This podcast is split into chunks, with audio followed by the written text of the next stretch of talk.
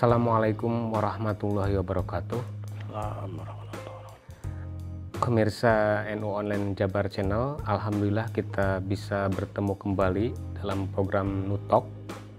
Eh, malam ini kita mengundang seorang tamu yang istimewa, eh, yaitu Ketua Pimpinan Wilayah Gerakan Pemuda Ansor, Kang Denny Ahmad Haidar. Selamat malam, Kang. Assalamualaikum, selamat malam. Eh, kita masih dalam suasana Harlah ke-95 NU Kang Denny. Harlah yang ke-95 ini adalah versi Miladiah atau versi Masehi dan sebentar lagi pada bulan Februari ini kita akan kembali melaksanakan Harlah NU yang ke-98 eh, versi Hijriah. Nah, Kang Denny ini eh, pemirsa NU Jabar tidak perlu diperkenalkan kembali karena beliau itu sudah sangat terkenal apalagi di kalangan anak-anak mudanya. Jadi konon katanya kalau Kang Denny ke mana pun pergi itu selalu ada yang mengenalinya. Jadi Kang Denny ini susah untuk ke tempat-tempat yang berbau dosa itu sangat susah ya Kang Denny ya. Karena di situ pasti akan ada ketemu orang yang dikenalinya. Apalagi dosa berbayar. Nah, Kang Denny ini eh, sering sekali asluk-aslukan Kal- karena saya di media NU Online Jabar jadi sering mendapat kiriman berita-berita dari daerah-daerah. Suatu hari Kang Denny ada di Garut Selatan, hari lain ada di oh, Pantura, hari lain lagi ada di Cianjur Selatan, Sukabumi Selatan. Betapa seringnya Kang Denny ini asluk-aslukan ke eh, berbagai daerah. Eh, pada kesempatan ini kita akan ngahukia eh, berngobrol bebas bersama Kang Denny Ahmad Haidar karena pada tahun 30-an NU itu sering dikenal oleh kalangan luar diejek sebagai kalangan kola wakila Kang. Nah kita rayakan hari ini bahwa NU adalah organisasi yang juga senang dengan kola eh, wakila. Nah eh, Kang Denny dari eh, cerita asruk-asrukan ini nih modal sosial NU di Jawa Barat Soal modal sosial segala macam, modal spiritual, pede lah kita. Jadi orang yang eh, ikut jalan keselamatannya di NU itu banyak sekali. Bahkan mungkin orang yang sebenarnya tidak mau disebut eh, bagian dari NU, secara substantif sebenarnya NU juga. NU, Ansor itu soal jalan keselamatan. Pertama soal ini meneguhkan sanad keagamaan. Yakin betul itu eh, apa namanya para kiai para ajengan kita di daerah-daerah. Eh, semuanya kan kalau ditanya itu gimana cerita mau khidmah di NU di Ansor ya sederhana kan kita mau selamat dunia akhirat tapi ilmu kalau dipakai ilmunya kalau dipakai wasilah ya nggak cukup amalnya juga nggak cukup jadi satu-satunya cara ya ikut NU kira-kira eh, begitu jadi sebetulnya sederhana tapi kompleks gitu. Dan ya serius sekali sahabat-sahabat kita di bawah itu ketua PAC ketua ranting yang punya pondok yang kiai beneran misalnya itu banyak. Malah kadang-kadang kita malu karena yang cabang PW kita lah misalnya di PW kadang-kadang ansornya juga kan masih ada niat lain-lain. Tapi yang betul-betul berkhidmah itu di Ranting, apa, di ranting. Itu serius sekali. Ya apa namanya? Mereka itu eh, syiar ansor syiar NU-nya itu ya estuning lillah gitu. bahwa ini adalah khidmah untuk keselamatan dunia akhirat Eh, di NU itu masih ada orang-orang yang masih seperti itu yang lillah ini Kang Ya apa namanya dulu kan didirikannya juga liak budun, gitu. jadi bukan liak butun, ini liak budun. Jadi yang liak budun betul-betul eh, banyak kalau bisa apa namanya mungkin ya semuanya juga begitu. Walaupun ya kadang-kadang satu dua ada yang aneh-aneh kan biasa saja itu. Orang jalan kepleset saya pikir biasa saja. Tapi secara umum saya ketemu dengan semua kader itu tidak ada sebenarnya yang niat ingin jadi apa ingin jadi apa. Toh pada akhirnya mereka jadi tidak jadi apa pun juga siap. Jadi apa pun juga siap. Eh, karena ini panggilan bagaimana eh, menjadi pengkhidmah yang baik Nah, itu kaderisasi atau menciptakan orang-orang yang masih liak budun di berbagai daerah itu tercipta alamiah atau memang gimana itu Kang di NU itu? yang pertama mungkin doanya para wali, para muasis, para kiai, para ajengan. Karena kan orang sukarela, artinya sebetulnya orang yang mau ikut kaderisasi itu orang yang sudah menjadi ansor kan, sudah menjadi NU. Hanya secara ini ah, untuk apa namanya me- meneguhkan administrasi saja orang ikut kaderisasi itu. Sebetulnya kan mereka apa eh, ubudiyahnya sudah nahdiyah, fikrohnya sudah nahdiyah, harokahnya sudah eh, nahdiyah. Nah, tinggal mereka naik mungkin. kelas itu jadi kader, ini jadi penggerak. Bukan lagi jadi yang ikut-ikutan, tapi jadi orang yang ikut beneran kemudian ngajak yang lain. Keterpanggilan jiwanya itu sudah apa namanya? Ya sudah terbangun. Karena saya yakin pastikan mereka ya ikut guru-gurunya yang juga ikhlas, guru-gurunya yang hidupnya didedikasikan, semuanya liya'budun. pengaruh pesantren mungkin sangat kuat Kang ya, apa merawat orang-orang yang dia budun ini. Sangat. Ya, pusat kita kan pusatnya tetap eh, pesantren, pusat gerak segala macam. Karena kan di kita beragama itu tidak melulu soal teks, tapi soal sanad yang kadang-kadang bukan kadang-kadang memang lebih kuat itu ada di perilaku. Eh, Teks itu kan terbatas ruang dan waktu.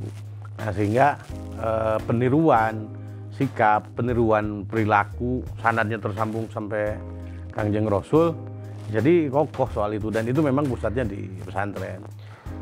Merata nggak Kang itu eh, daerah-daerah yang di Jawa Barat? Saya hampir nggak ketemu di mana tempat misalnya bahwa NU itu barang aneh. Untuk Ansor itu barang aneh. Semua tempat itu sudah sudah ada NU-nya, sudah ada Ansornya malah kadang-kadang kita mikirnya begini. Di tempat yang hari ini misalnya dianggap paling jolok lah ya. Itu kan kita kendaraannya sudah mendingan enaken. Jalannya sudah jelek-jeleknya jalan zaman sekarang masih bisa dilalui lah. Kita nggak kebayang dulu bagaimana misalnya NU sampai ke sana dan itu bukan hanya sampainya itu kan bukan hanya soal nama, tapi soal tadi yang tiga halnya itu sudah sudah eh, sudah kokoh gitu loh di tempat itu soal amalia, soal fikroh, soal harokah itu sudah kokoh. Artinya tidak tidak hanya sekedar nama. Kadang-kadang nama mungkin samar-samar, tapi substansinya itu sudah sudah kokoh. Nah, ini kan ikhtiar kalau kita cerita soal lahiriahnya saja, ini soal ikhtiar yang ya luar biasa dulu seperti apa sebetulnya para eh, kiai para ajengan kita yang dulu-dulu memperkenalkan membawa NU dan saya yakin bukan hanya kampanye kata-kata tapi itu adalah kampanye betul-betul 24 jam hidupnya didedikasikan bahwa gini loh beragama yang eh, benar itu tanpa harus misalnya ngomong ke mana-mana. Contoh uing itu kan enggak begitu. Tapi ya berperilaku saja dan perilaku itu ditiru perilaku itu diikuti dan perilaku itu dikuatkan. Mereka itu berarti tidak terpengaruh oleh kabar-kabar yang menjelekan NU di media sosial Kang ya. Nah, apa namanya? Kita selalu sampaikan misalnya kalau misalnya orang yang kampanye negatif tentang NU, tentang Kiai, tentang Ansor, Banser misalnya di media sosial, kemudian itu ngaruh, maka kaderisasi kita berhenti. Kaderisasi kita bukan berhenti, malah terus-terusan makin lama peminatnya makin banyak. Eh, artinya ya tidak tidak ngaruh sama sekali, justru ngaruhnya malah efeknya positif. Efeknya orang merasa bahwa harus tampil, harus muncul gitu loh bahwa harus dibuktikan bahwa NU itu tidak sebagaimana yang dipersepsikan orang yang hari ini kampanye menjelek-jelekan. Karena eh, mereka yakin bahwa ya tidak begitu. Mereka datang sukarela menyediakan eh, waktu dua apa tiga dua hari tiga mal apa dua malam tiga hari rata-rata kaderisasi kita itu ya mereka bayar sendiri kan begitu? Bayar Kang. itu bayar. Itu bayar. Ada yang bayarnya misalnya contoh misalnya di Kabupaten Cirebon itu kalau ikut eh, di Klatsar itu bayarnya 350.000 ribu. Atau di Bandung Barat bayarnya itu bawa beras 3 liter bawa mie 2 siki bawa endog 2 siki. Jadi paling tidak mereka itu sudah berkorban. Waktu tenaga harta jadi bukan cerita omong kosong kalau soal-soal apa namanya eh, pengorbanan itu Bagaimana ini menjamiahkan bareng-bareng ada kerja yang secara dikerjakan berjamaah eh, dalam satu eh, visi misalnya yang harus urgen kita laksanakan bareng-bareng baik di Banom maupun lembaga maupun hadiah secara umum Kang. ya kan begini misalnya efek masa lalu kita di represi yang panjang sekali juga dulu zaman zaman zaman ke belakang kita kan jadi tentara nggak bisa, jadi PNS nggak bisa Oh, iya, selama iya, identitas ke-NU-annya muncul. Tapi kan hari ini ketika kerannya dibuka, ya semua baik-baik saja. Semua apa namanya bisa jalan, semua bisa maju karena didorong. Ya NU di- dijaga oleh yang punyanya gitu loh. Makanya kita laksanakan sebisanya saja, sebisa kita. Sisanya tuh ya ada yang ngurus sebetulnya. Jadi kita tidak tidak dalam kerangka mau membesarkan kami gitu loh, bukan membesarkan. Kita malah jadi ya nunut saja, nunut selamat. Ikut selamat di NU, kita khidmah sekuatnya yang kita bisa. Karena urusan lain-lainnya ya ada yang ngurus ya. Apa seperti seperti gimana itu Kang? Ya soal NKRI misalnya, soal bahwa NKRI itu syar'i misalnya. Orang kan berani mengorbankan apa pun untuk eh, negeri ini. Bayangkan kalau misalnya itu tidak memiliki cantolan spiritual, cantolan apa namanya eh, keagamaan. didiyah ruhaniyah, kan tidak mungkin orang mau begitu. Artinya kan ini ini dipegang oleh semua orang yang ngaku NU maupun yang tidak.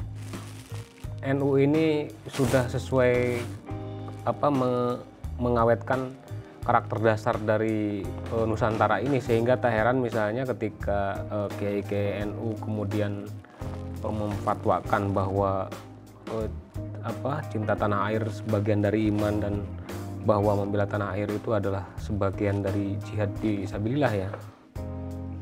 Nah, Kang, eh, dalam konteks Jawa Barat, Kang, eh, GP Ansor sebagai anak eh, generasi NU yang paling melek lah eh, di NU gimana, Kang? Eh, kata Gus Dur melanjutkan transformasi ekonomi dan mensukseskan transformasi teknologi informasi. Eh, soal misalnya tadi ketika soal transformasi ekonomi, kalau secara institusional mungkin dianggap belum memadai ya. Tapi secara paradigmatik kan ini ada lompatan yang luar biasa. Dulu misalnya ada Nusuma waktu zaman Al-Maghfur lah itu. Kalaupun Nusumanya misalnya gagal, tapi kan itu ada lompatan paradigmatik bahwa orang menerima sistem ekonomi yang dianggap sistem ekonomi liberal, sistem ekonomi kapitalistik, sistem ekonomi yang apa eh, yang diakui bahwa inilah sistem ekonomi yang institusional. Contoh misalnya begini, di Ansor itu kita punya Ansor Retail. Awal-awal bagus sekali, konsolidasi segala macam. Di ujungnya usahanya tetap jalan, tapi tidak lagi mau bergabung dengan konsorsium Ansor Retail ini. Karena kita tidak terbiasa bekerja dalam kerangka korporasi ini yang apa namanya sedang kita ikhtiarkan misalnya karena tanpa korporat tanpa budaya korporasi maka dalam konteks regional global kita agak susah untuk apa namanya ber- eh, berkompetisi di, di media sosial misalnya transformasi kita bagaimana eh, kampanye aswaja kampanye NU itu kan masif sekali hari ini jadi kalau bisa dikatakan tahun lalu lah ya, tahun lalu kita dianggap kalah. Kalau tahun lalu dianggap kalah, hari ini kita sudah menang kok. Kan gitu. Iya, iya, iya. iya. Jadi ya pede saja sebetulnya, kalaupun ya di tingkat kader, karena kata Al-Maghfur lah Gus Dur kita kayak di masjid misalnya ada orang yang sholat beneran, ada yang mau wiridan, ada juga yang ya yang kadang paling sendal segala macem. Ya karena diurusnya urus urus yang urus yang semuanya gitu loh.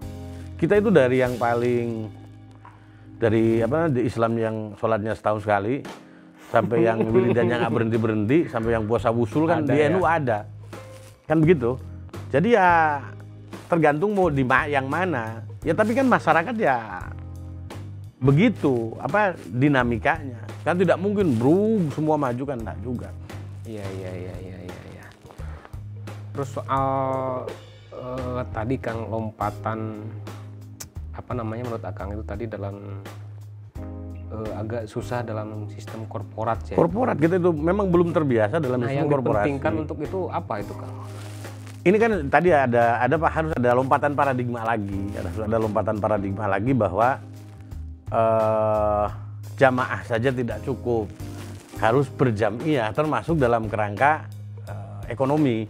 Dalam kerangka apa pun ya kita harus berjamiah. Kader kan eh, sebetulnya seperti itu. Bagaimana misalnya ketika berorganisasi itu ya dari atas ke bawah itu ya kalau sana A ya sini A lah kira-kira kan begitu. Nah tradisi itu memang baru tapi kan diikhtiarkan terus. Saya pikir 5-10 tahun ini insya Allah pasti akan terbangun budaya eh, korporasi yang baik bagaimana orang saling percaya, saling bekerja sama dan sama-sama bekerja. Hari ini itu sama-sama bekerja, tapi belum kerjasamanya belum muncul. Oh, iya. Baru sama-sama bekerja. Iya iya. Nah apakah perlu dirijen atau eh, gimana itu Kang?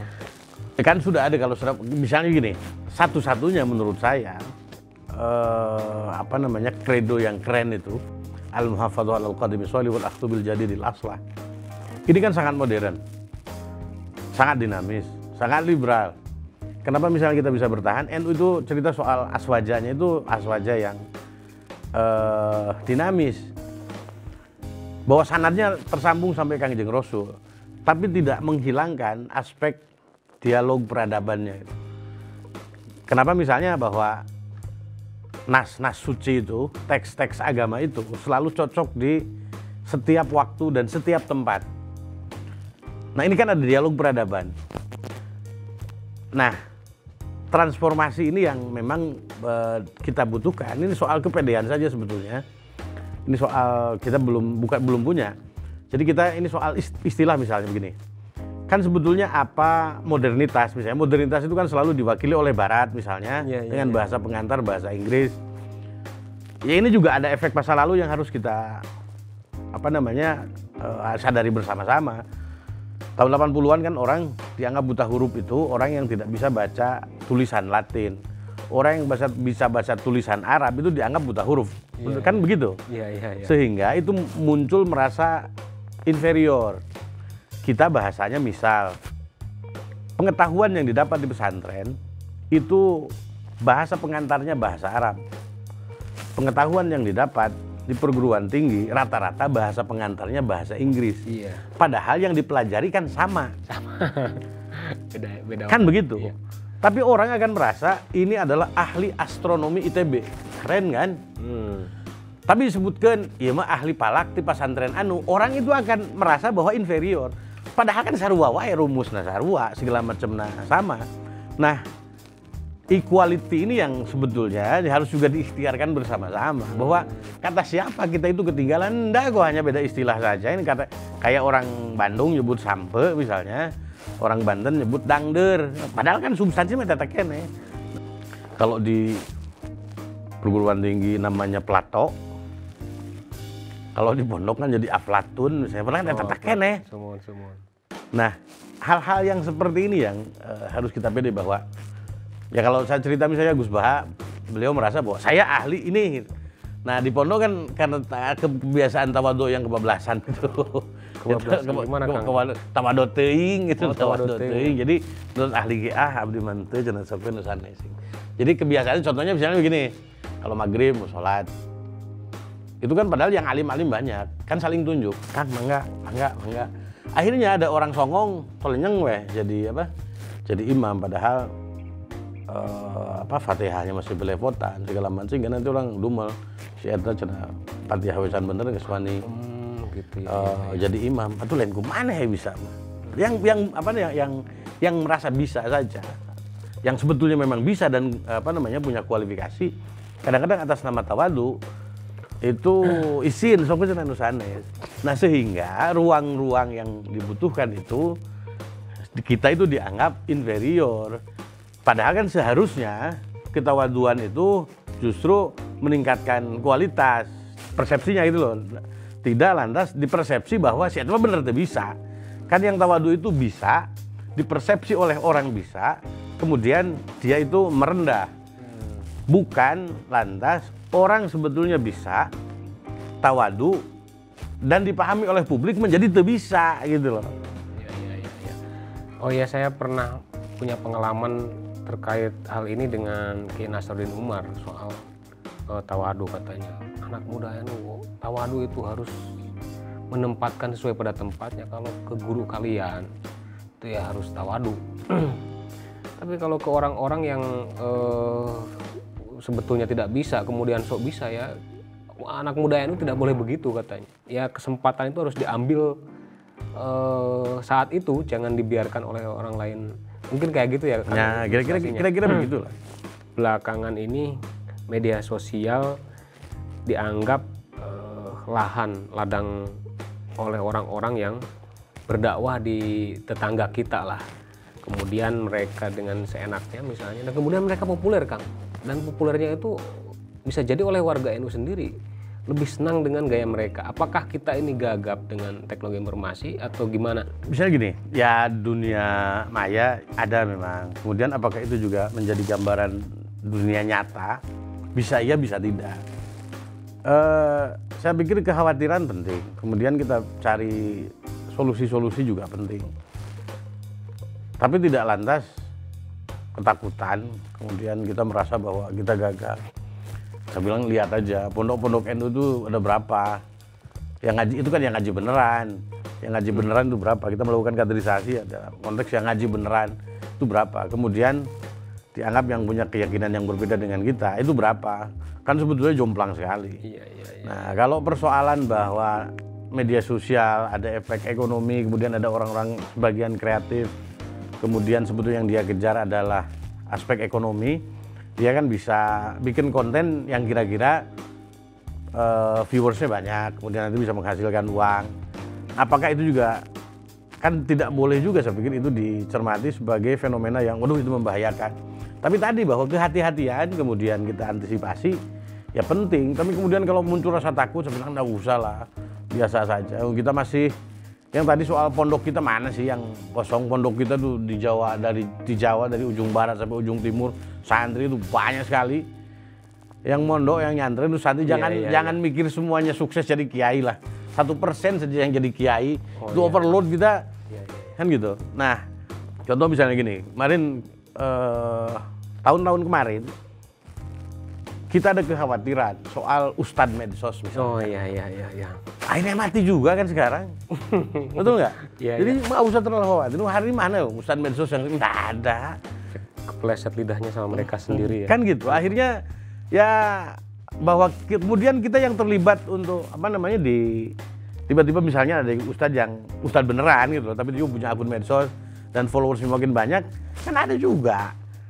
Nah, tapi yang tadi yang ustadz-ustadz yang sebetulnya kita dicermati sebagai ngaku-ngaku saja ustadz, kemudian kemarin rame, hari ini kan tidak ada lagi. Jadi yang harus dikhawatirkan apa? Yang harus khawatir itu kalau misalnya yang mondok sudah tidak ada, yang mondok masih banyak.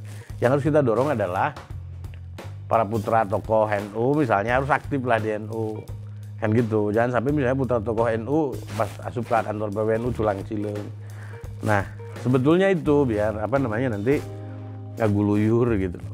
Tapi soal kaderisasi enggak lah tidak ada. Tempat tidak tidak tidak perlu khawatir gitu loh soal itu. Kalaupun kita bikin antisipasi kita bikin konten yang lebih baik kemudian kita juga eh, apa kampanye lah katakanlah di dakwah di media sosial ya itu pun kita lakukan secara gradual. Tapi kan jangan ya tidak usah gerasa gerusu santai saja Iya, mau iya, ke mana. Iya iya kang. Ini kang eh, soal eh, peluang-peluang yang di yang sebetulnya terbuka ini untuk semua kalangan. NU termasuk di dalamnya. Nah soal pemaksimalan atau eh, NU meraih mendapatkan peluang itu dengan kondisi situasi hari ini apakah sudah maksimal untuk eh, memasukinya itu kang? Ya kalau sudah maksimal tentu belum lah. Masih ada apa namanya banyak ruang-ruang yang eh, kita abaikan karena kan sekarang situasinya terlalu enak kita itu. Secara Terlalu enak? politik terlalu enak kita itu. Entah ada hampir misalnya kemarin ketika pilpres ada konflik itu gairahnya muncul. Ketika hari ini tidak ada konflik ya melempem. Kan begitu? Nah krisis ini selama tidak ada krisis kita itu kan kelihatannya kalau ada krisis. Dulu misalnya tahun 65 misalnya kan orang tiba-tiba semuanya pengen ngaku NU karena krisis. Kemarin-kemarin juga sekarang juga kan begitu. Iya, iya, iya. nah makanya di Ansor misalnya kenapa kita punya prinsip idza dhaqa tasa'a idza tasa'a dhaqa hari ini situasi sedang terbuka nah kita tertutup. Kalau mau masuk masuk Ansor ya harus kaderisasi. Kalau mau jadi pimpinan Ansor nanti ada apa namanya ada step-stepnya. Jadi tidak boleh eh, ada orang baru culang cileng eh, kemudian kasep gagah pidato halus tapi bukan kader dan enggak begitu. Jaketan gitu kan ya. gitu jaketan enggak begitu. Tapi kita melakukan kaderisasi. Tapi ya kita tidak larang juga orang pakai jaket pakai segala macam silakan. Kan gitu tapi ya tetap harus ada etika ya sampai misalnya itu juga disalahgunakan untuk hal-hal yang aneh-aneh. Tapi untuk jadi kader untuk jadi pimpinan untuk jadi pengurus itu ada eh, kaifiatnya, ya tidak bisa eh, sewenang-wenang. Nah, merespon beberapa hal kalau dilihat secara umum, secara apa namanya kasat mata misalnya memang beberapa hal kita masih eh, kurang responsif. Misalnya anak muda NU yang jadi tentara itu masih muda. Orang banyak yang jadi jenderal yang NU itu paling terakhirnya letkol. Letnan kolot di letkol ngelain letnan kolonnya. Nah, jarang misalnya kita hari ini kita sudah kampanyekan ke para masai, para kasepuhan, santrinya kalau perlu putranya ikut akademi militer, ikut akademi polisi, ikut sekolah-sekolah ikatan dinas, STAN, STIN, IPDN segala macam. Sebenarnya harus dorong sana. Kan gitu sehingga kita punya harapan nanti ada jenderal yang apa namanya ngurusin NU-nya secara ideologis kan gitu. Kemudian juga yang melek teknologi sudah ada kemarin juga misalnya ada katanya ahli roket ke ahli nuklir segala macam itu sudah ada. Semua semua. Nah, tapi kan itu tidak mungkin juga jadi mayoritas semua karena kita kan tadi yang jadi kiai juga ada yang jadi kiai jalan. Nah, cuman memang eh, persentasenya masih belum menggembirakan. Yang Kang Denny temuin nih selama asuk-asukan di Jawa Barat Kang? Banyak lah banyak sekali ya. Banyak tapi ya sekali tadi kelasnya juga ya karena kita misalnya hayam ya ketemunya ya hayam juga. Oh gitu kan gitu. Jadi kenapa misalnya saya tahu tanya pada kesepuhan sebetulnya hari ini wali masih banyak kata beliau itu. Mana? Tinggal orang itu kan wali ya ketemunya dengan wali lagi. Ya orang misalnya ucing ya panggil aja ucing deh gitu loh. Jadi kalaupun pasal lingsingan tiap hari ketemu dengan wali misalnya bisa jadi nggak kenal. Ya memang beda kelas. Nah dan kenapa misalnya seperti ini? Karena tadi ada ada doa-doa yang mungkin kita tidak sebetulnya tidak dengar tapi didengar oleh Allah kemudian ya ya begini berarti ya di Kiai KNU di Jawa Barat ya masih ada yang mendoakan yang masih Oh, banyak gitu ya. Kalau mendoakan itu banyak sekali. Mendoakan eh, kita kan soal soal doa mendoakan itu tidak berhenti. Cuma yang didoakan, tapi kadang-kadang tidak tahu diri. Ya ini Kang eh, ngalor ngidul ini eh, mudah-mudahan bisa eh, berlangsung di eh, lain kesempatan. Ini terima kasih Kang Denny Tonon. dengan tema yang kemudian yang nanti bisa kita kita obrolin lagi. Terima kasih Kang Denny sudah eh, mampir ke NU online ke studio NU Jabar Channel.